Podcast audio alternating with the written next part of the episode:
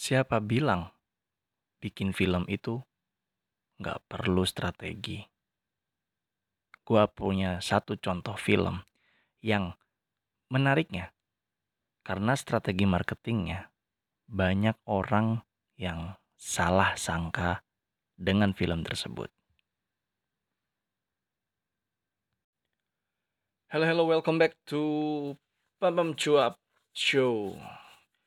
Kali ini gue bakalan nyoba sesuatu hal yang baru. Uh, karena mungkin sebelum uh, di episode-episode sebelumnya gue belum pernah cobain. Jadi di episode kali ini gue akan mencoba untuk mereview. Nggak, gue nggak nge-review film. gue pengen ngomongin soal uh, ya review itu sebenarnya ngomongin kan, sebenarnya ngobrolin kan. Cuman karena gue di sini monolog ya, uh, ya kita sebut ini sebagai review gitu ya. Uh, uh, no no no nggak nggak usah deh. Gue gue nggak pengen kedengeran terlalu expert. Gue pengen ngomongin soal salah satu film yang sempat sempat jadi sebuah trending topik di dunia internet dan dan bahkan banyak banget komunitas-komunitas uh, film di luar sana ya. Karena ini film luar negeri. Uh, yang yang memperdebatkan bahkan sampai ada banyak banget orang yang berusaha untuk uh, membuat sebuah teori-teori konspirasi sendiri dari otak mereka gitu uh, pada akhirnya semua itu di uh, dimentalkan apa uh, istilahnya. Semua itu di can bukan di cancel dibantah dengan uh, gamblang dengan mentah-mentah banget oleh sang sutradara itu sendiri. Apa itu filmnya? Uh, gue gue pengen sebenarnya pengen pengen muterin trailernya cuman karena ini suara doang ya ya udahlah ya nggak usah lah ya. Langsung aja deh. Jadi uh, oh ya sorry sedikit disclaimer buat kalian yang belum pernah sama sekali nonton film ini, uh, gua akan coba untuk kasih jeda uh, jeda segmen nanti ya di belakang.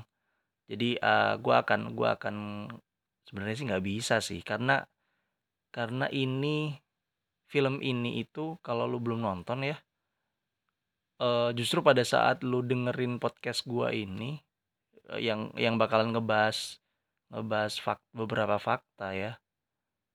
Hmm, ayo udahlah.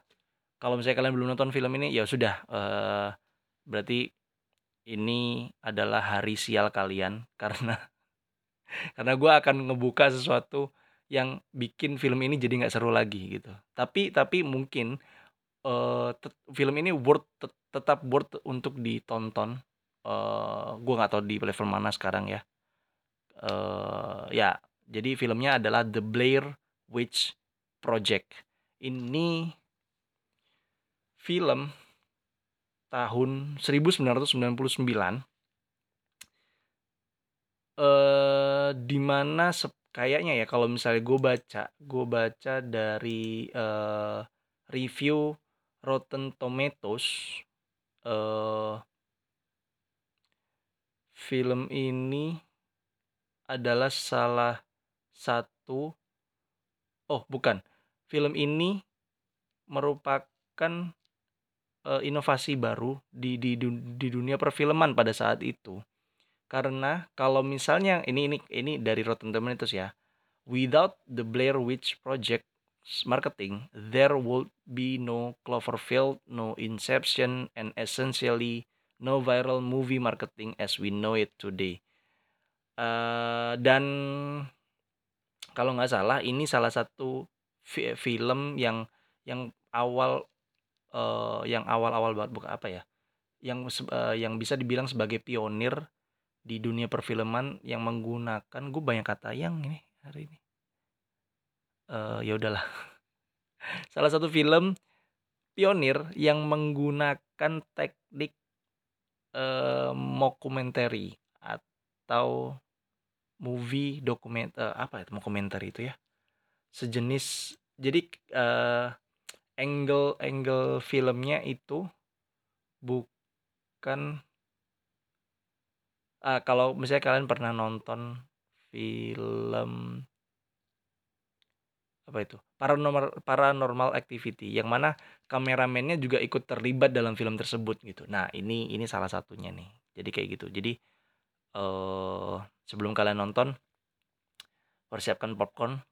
Enggak enggak, maksud gua sebelum kalian nonton film ini, kalau misalnya kalian bisa, eee, menemukan ya di di salah satu mungkin salah satu platform, eee, streaming film saat ini yang ada, apa pun itulah ya, eee, kalian kalian harus harus siap dengan mmm, nggak klise juga sih untuk, eee, ya nonton aja lah, pokoknya gitu.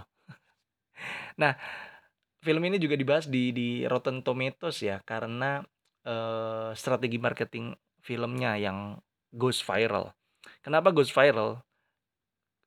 Nah ini, ini yang ini yang salah sat salah satu penyebab, eee, agak berat gua nggak bisa s gua nggak spoiler film apa, gua nggak spoiler filmnya. Sebenarnya gua nggak nggak bakalan nggak bakalan nge-spoiler isi filmnya itu kayak gimana ya, tapi ini tuh salah satu faktor terpenting dalam film ini gitu. Jadi sebenarnya pada saat film ini eee, rilis di tahun 1999 b itu banyak banget penonton yang percaya kalau film ini adalah sebuah dokumenter nyata yang footage-nya ditemukan oleh seseorang, lalu dirilis jadi sebuah film. Gila nggak tuh? Jadi, udahlah filmnya ini bentuknya mockumenter yang mana, eee, yang mana kameramennya itu terlibat dalam film tersebut. Jadi jadi, eee, jadi kameramennya ini nggak nggak nggak disembunyikan, eee, bahkan menjadi salah satu peran di di di film ini gitu. Jadi kalian bakalan banyak melihat, eee, adegan-adegan di mana si si aktor atau aktris yang di-shoot yang masuk dalam frame itu berkomunikasi secara langsung dan gamblang, maksudnya nggak nggak ditutup-tutupin sama kameramennya gitu. Nah, ini, eee, oh ya sorry, genre film ini adalah horor dan, eee, sedikit sinopsis, sinopsisnya adalah seperti ini, kalian bisa bisa cari langsung ya di di internet ya sebenarnya ya. Tapi, eee, let me try to read the synopsis from IMDb.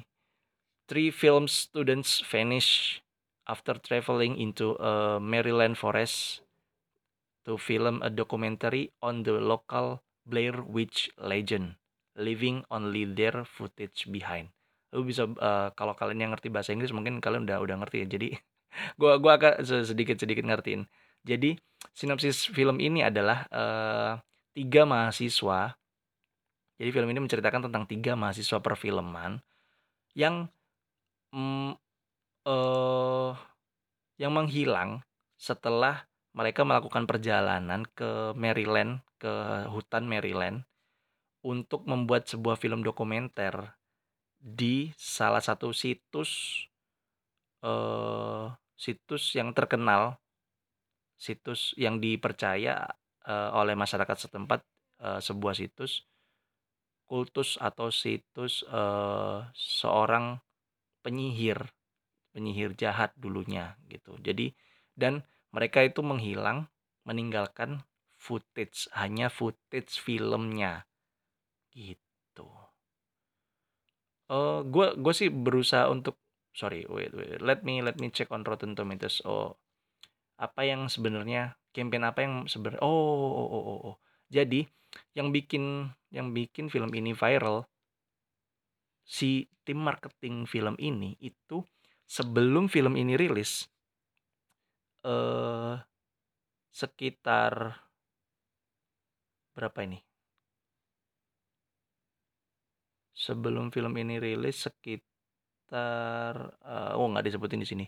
Jadi si marketing, tim marketingnya itu eee, membuat sebuah campaign yang nggak kelihatan bahwa itu itu campaign promosi. Mereka menyebar pamflet. Menyebar sebuah pamflet orang hilang. Yang mana fotonya adalah para pemeran eh, atau para aktor dan aktris film tersebut. Di di sekitar uh, hutan atau ada atau atau pemukiman yang ada ada punya punya kawasan hutan gitu ya. Kalau nggak ya ya kayak gitulah. Lalu lalu eh uh,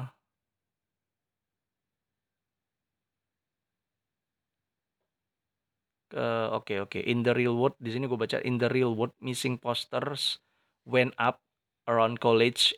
Oh di sekitar di sekitar kampus and at the film film festival. Di sekitar uh, venue film festival ya. Jadi marketingnya itu uh, menyebar pamflet orang hilang itu tadi di sekitar kampus dan film festival. Dan ini uh, filmnya adalah film indie low budget indie. Bahkan dia uh, Rotten Tomatoes uh, mencatat bahwa Blair Witch Project itu mendapatkan berapa ini? 2 miliar 480 juta sekian. Itu angka 2 miliar ini dolar ya 2 miliar dolar ini ini mereka ngeklaim bahwa ini lebih dari 4000 kali budget yang mereka keluarkan untuk membuat film tersebut. Gila, men. Gila, men. Uh. Jadi kalian bisa bayangin ya, ini film indie tapi ghost viral gara-gara uh, campaign atau strategi promosi yang digalang oleh marketing uh, film film The Blair Witch Project ini. Segitu pentingnya strategi. Bahkan uh, kalau misalnya strategi itu berhasil, ya apa yang dipromosikan pasti berhasil. Gue yakin itu. Dan ini uh, dan strateginya itu ditiru di di di banyak film-film setelahnya seperti Cloverfield kalau kalian lihat terus uh, Inception gitu kan mungkin di Indonesia nggak ada ya uh, nggak marketingnya atau promosinya nggak terlalu banyak lah ya mungkin ya gitu dan dan uh, banyak banget film-film yang pada akhirnya meniru meniru strategi marketing tersebut kayak mungkin eh apa yang di Indonesia? Kayaknya nggak ada Indonesia. Kayak belum kepikiran ke arah itu di Indonesia ya. Hmm. Ah, ya udahlah. Yang jelas eh dengan dengan strategi marketing yang baik, film low budget seperti ini pun bisa mendapatkan eh, 4000 kali dari budget yang mereka keluarkan gitu. Jadi sebenarnya uh, mungkin yang yang gue bisa bilang nggak perlu mewah-mewah seperti apa pun. Jadi mu mungkin mungkin ini kesimpulan yang bisa gue tarik. Kalau misalnya lu pengen bikin sebuah konten dan pengen konten ini tuh works, jangan terlalu banyak memikirkan isi dari kontennya. Sebenarnya isi konten itu penting, penting banget gitu kan. Tapi isi konten yang lo bikin itu bisa terbantu, bisa goes viral kalau strategi marketing yang lo pakai itu bener gitu. Anyway, gue gue jadi kangen nonton film ini meskipun ini film horor uh, yang yang bener-bener gue di beberapa scene gue gue nggak berani nggak berani ini sih nggak berani nonton juga sih tapi setelah dua kali atau tiga kali nonton udah kan udah ketebak kali ya. Oh ini ini jam scaresnya di di di sekitaran sini dan segala macam gitu. Sebenarnya uh, oh ya ini ada kalau misalnya ngomongin soal strategi marketing di film lainnya hmm,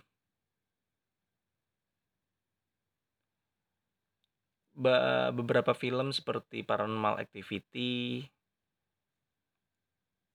Terus, eee itu bikin bikin bikin strategi marketing yang sama kayak gitu ya.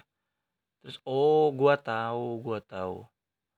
Salah satu salah satu strategi marketing film Indonesia yang gua tahu yang mu mungkin kalau gue bisa bilang berhasil menarik banyak banyak penikmat film atau atau pecinta film ya, itu eh apa gue bilang pengen bilang ya, penasaran dan dan akhirnya memutuskan untuk menonton. Ya kalian kalian mungkin masih ingat. Film dari Pengabdi Setan. Itu salah satu strategi marketing yang menurut gua works banget untuk filmnya. Karena apa? Coba kita lihat ya. Berapa banyak penonton yang tercatat sampai saat ini untuk film Pengabdi Setan. Pengabdi Setan. Uh, uh, uh, uh, uh, uh, Satan Slave. Gue bingung ya kalau misalnya film-film Indonesia di di translate ke bahasa Inggris tuh judulnya rada-rada kayak, kayak salah satu filmnya Joko Anwar juga kemarin tuh apa itu? Impetigor. Apa itu? Perempuan Tanah Jahanam. Gila bahasa bahasa Indonesia panjang banget bahasa bahasa Inggris cuma Impetigor. Impetigor. Oke, okay, uh, let's see. Budget Uh, oke. Budgetnya tercatat uh, dua 2 billion, 2 2 triliun, 2 miliar, 2 miliar, 150 dolar atau 2 miliar rupiah.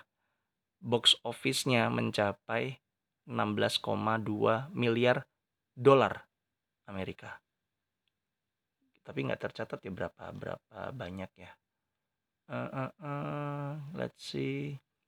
Box office res critical response I don't need that for now. Berapa juta orang? Gimana sih cara ngelihat berapa juta penonton itu?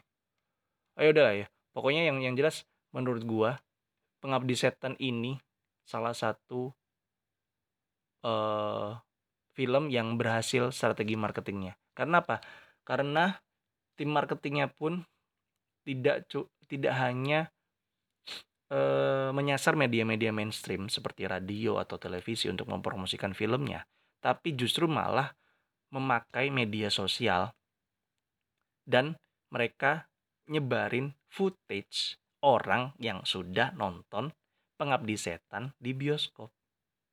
Yang mana itu menurut gua pribadi orang Indonesia itu atau mungkin kebanyakan dari kita ya nggak cuma orang Indonesia ya kebanyakan manusia itu kalau misalnya mereka melihat sesuatu yang yang uh, uh, menurut mereka nggak jelas nggak karena nggak bukan nggak jelas ya apa ya bahasanya ya kita tuh bakalan kita tuh banyak yang mudah tertarik untuk mengikuti sesuatu kalau sesuatu itu bikin kita penasaran apa sih pam? Ngomong apa sih?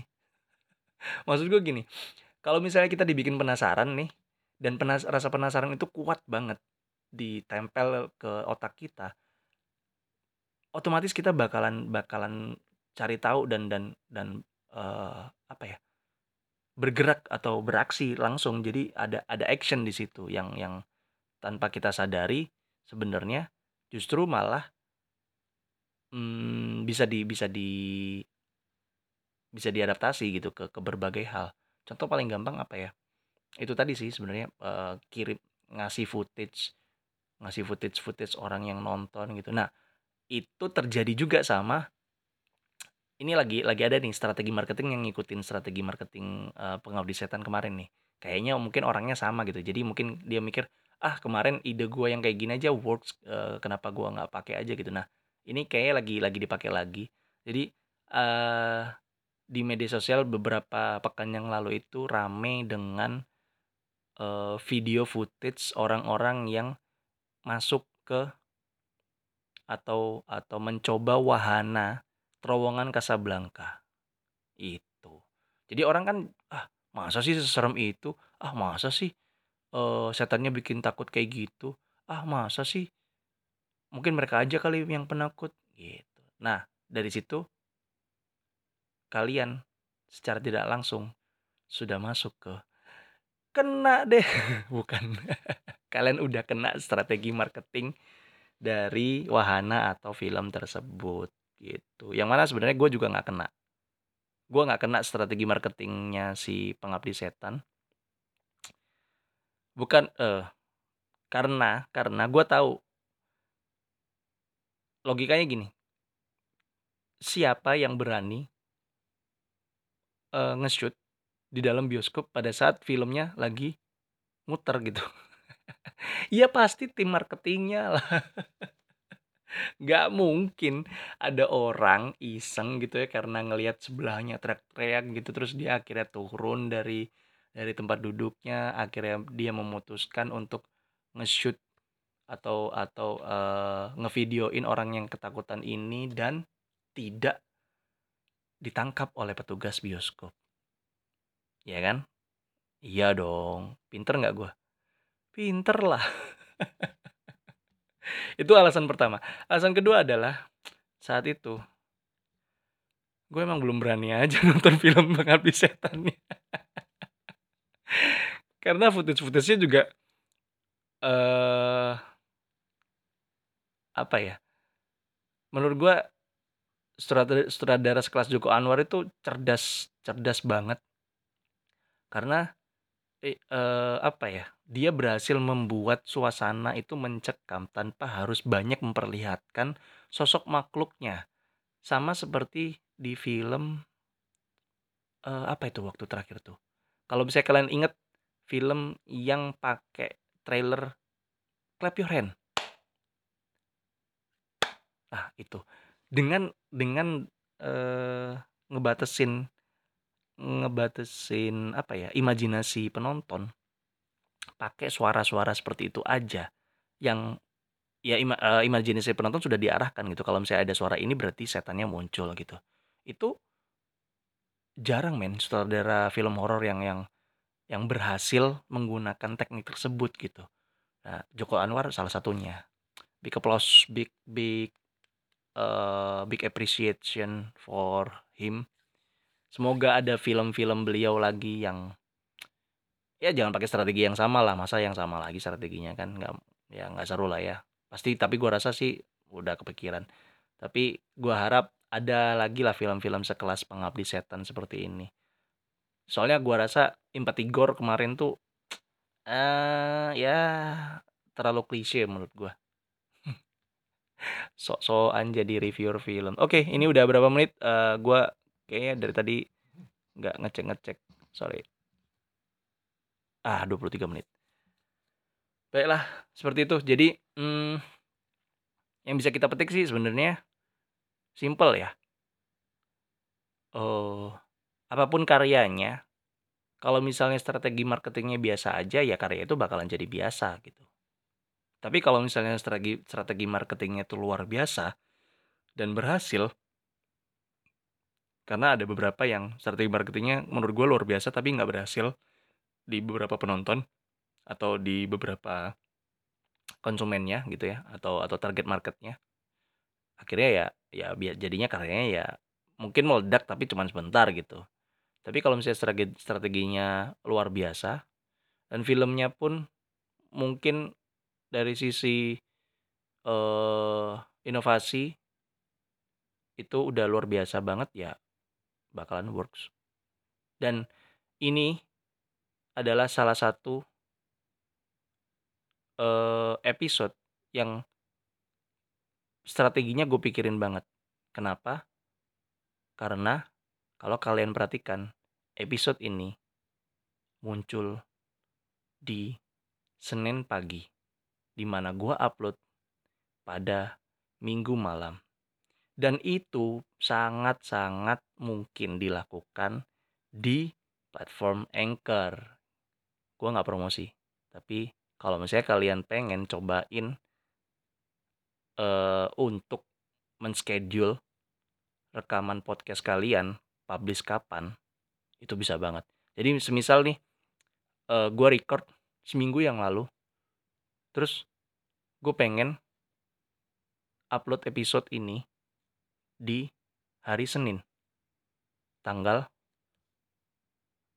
which is tanggal uh, 13 Desember. Bisa banget. Tapi kalian nggak pernah tahu kan episode ini direkam kapan. Karena gue dari tadi juga nggak bilang kalau misalnya episode ini direkam tanggal berapa. gak penting banget nih. ya udah, uh, thank you so much buat kalian yang sudah dengerin. Ya, yeah, gue nyobain nyobain apa ya hal yang baru sih untuk review film. Ya, menarik karena gue juga nggak nggak terlalu baca hmm, apa namanya artikel atau atau sinopsis atau jalan cerita gitu ya ya mungkin bakalan ada lagi episode-episode yang kayak gini karena gue juga sebenarnya suka demen nonton film ya tapi kemarin juga udah udah ini ya Oke, okay, uh, eh, thank you so much buat yang buat semua kalian yang udah dengerin episode kali ini. Semoga kalian tetap sehat dan bahagia selalu. Pam pamit. Wassalamualaikum warahmatullahi wabarakatuh.